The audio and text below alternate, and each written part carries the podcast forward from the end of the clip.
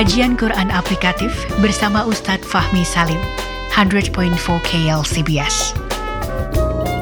Assalamualaikum warahmatullahi wabarakatuh.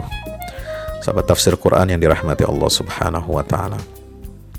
Kembali kita kali ini ya dengan rumus yang ketujuh. Ya, rumus ketujuh dalam menghadapi kesulitan-kesulitan hidup kita.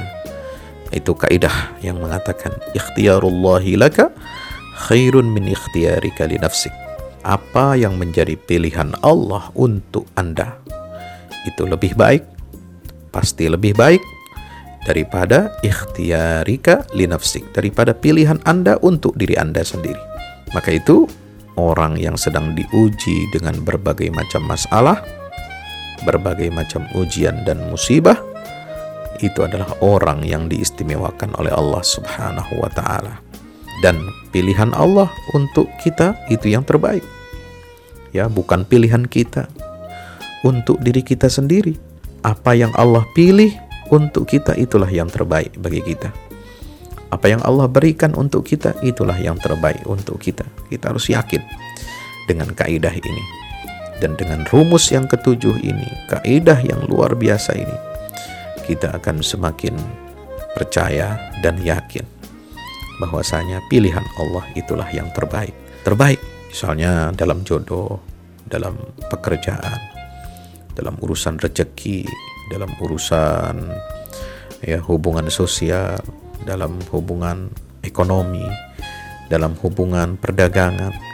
Kita mengalami jatuh bangun, kita merasa kadang ah ini jodoh saya tidak cocok lalu kita menyesali ah ini rezeki saya kok kecil amat. Saya tidak puas. Ah ini kok di saya diberikan penyakit yang begini susahnya saya hadapi. Lalu dia tidak bersyukur bahkan kufur terhadap nikmat Allah subhanahu na'udzubillah min zalik. Ketahuilah saudaraku yang dirahmati Allah subhanahu wa ta'ala bahwa pilihan Allah itulah yang terbaik bagi kita.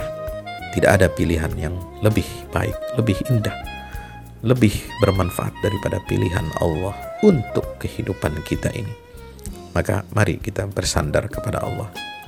Mari kita bertawakal kepada Allah. Mari kita menjadi orang yang lebih baik, hamba yang lebih baik di sisi Allah Subhanahu wa taala yang senantiasa percaya akan ketetapan dan takdir Allah itulah yang terbaik bagi kita. Seraya kita memaksimalkan kesabaran kita dan memaksimalkan kesyukuran kita. Sebab Allah Ta'ala berfirman, La in syakartum la azidannakum. Jika kalian bersyukur, maka aku akan tambahkan nikmat kepada kalian. Wala in kafartum inna adzabi lasyadid. Sebaliknya, jika kalian ingkar dan kufur terhadap nikmat-nikmatku, maka ketahuilah azabku, siksaku itu sangat pedih. Mudah-mudahan bermanfaat. Wallahu a'lam bishawab. Wassalamualaikum warahmatullahi wabarakatuh.